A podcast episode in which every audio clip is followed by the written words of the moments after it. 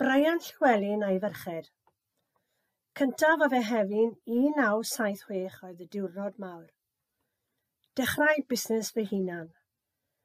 Prynu fan a'i llenwi a nwyddau fyddai'n ddefnyddiol i ffermwyr a phobl mewn ardaloedd gwledig. Roedd y dewis yn eang. Sosbenni, llestri, dillad gwaith, bilwgu a bywelli, cerig hogi a phob math o gymysgedd defnyddiol. Roedd fy ngwraig am minnau a'r tair merch yn byw mewn hen reithordi ym mhlwyf Pen-y-Groes, ger Crymych.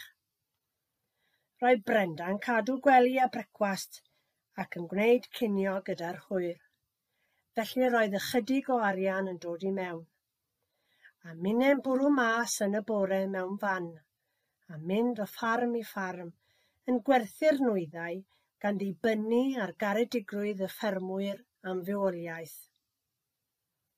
Yn y cyfnod yma, roedd pob ffarm yn cael ei ffarmio ac roedd yna groeso ar bob aelwyd.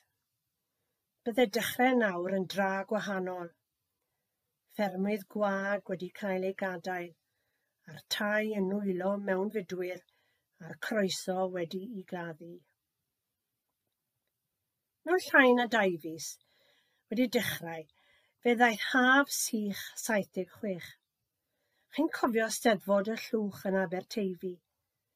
Ffermwyr yn ymdrechu i gael digon o ddŵr a bwyd i'r anifeiliaid, a dim amser sbar i ddim arall.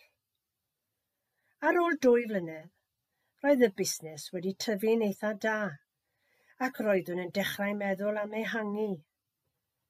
Gwerthwyd yr hen reithordi a phrynwyd garej a gorsaf gwerthu petrol yn Eglwys Swrw, rhyw bum milltir i ffwrdd.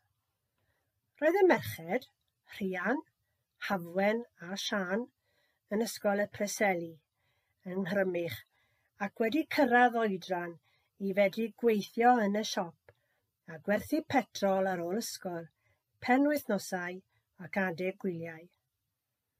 Fe orffennwyd â gwaith y garej ac fe aethom mewn i werthu nwyddau ffensio, clwydi ac offer at drin gwartheg a defaid.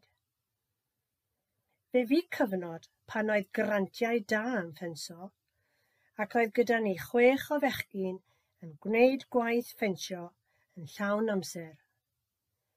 Buom yn gwerthu? Beics cwad a mowers torri lawntiau am gyfnod, ond erbyn heddi pwysleisir mwy ar offer ar gyfer ffermwyr, a dyn ni ddim yn gwerthu dim sydd yn cael ei yrru gan injan, felly does dim yn torri lawr, ac mae hynny'n lot llai o straen. Mae pedwar deg pedwar mlynedd wedi mynd bellach ers y dechrau ac mae busnes Brian Llywelyn a'i ferched yn dal i fynd yn gryf. Heddiw, rydym yn gwerthu drwy Gymru, yr Alban, Iwerddon a Lloegr. Hefyd, rydym yn allforio i Norwy, Ffrainc ac ynysoedd y Falklands. Mae gwaith y swyddfa yn dal yn hen ffasiwn. Pob anfoneb yn cael ei ysgrifennu a holl waith y Ledgers yn cael ei gwneud gyda Pilot VS High-Tech Pen. Yn anffodus neu'n ffodus, dydw i ddim yn gwybod sut mae dechrau cyfrifiadur na'u stopio chwaith. Mae pob siec yn cael ei sgrifennu'n Gymraeg, ond mae yna un banc yn Stoke-on-Trent sy'n ei gwrthod am ei bod yn methu deall beth sydd ar y siec. Cymraeg yw iaith y gwaith ac hefyd ein cartref. Rwyf yn ddyn ffodus iawn wedi cael cydweithio'n ddyddiol gyda'r teulu am dros ddeugain mlynedd, a bron a bod yn gweld yr wyron a'r wyresau'n ddyddiol. Teimlaf fel hen iar ar cywion bach o dan yr adain. Mae Rhian yn aelod y Ferched y Wawr Ffynon Groes a hi sydd yn y siop a'i gŵr Mark. Mark hefyd sydd gyda'r loris ar y iard. Mae Hafwen yn aelod y Ferched y Wawr Mynachlog Ddu, ac mae ei gŵr Breian wedi hanner yn ddeuol ar ôl treulio pum mlynedd ar hugain yn gwneud gwaith da yn rhoi tafarn chink ar ei thraed, wneud yn boblogaidd drwy Gymru.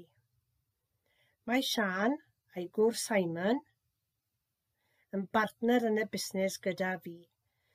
Simon yn gweithio ar yr iad gyda'r loris. Steffan ei mab yw'r super salesman yma y dyddiau hyn. Dallenwyd gan Ann Milgoe, aelod y Ferched y Wawr Llanabydder, rhanbarth Ceredigion.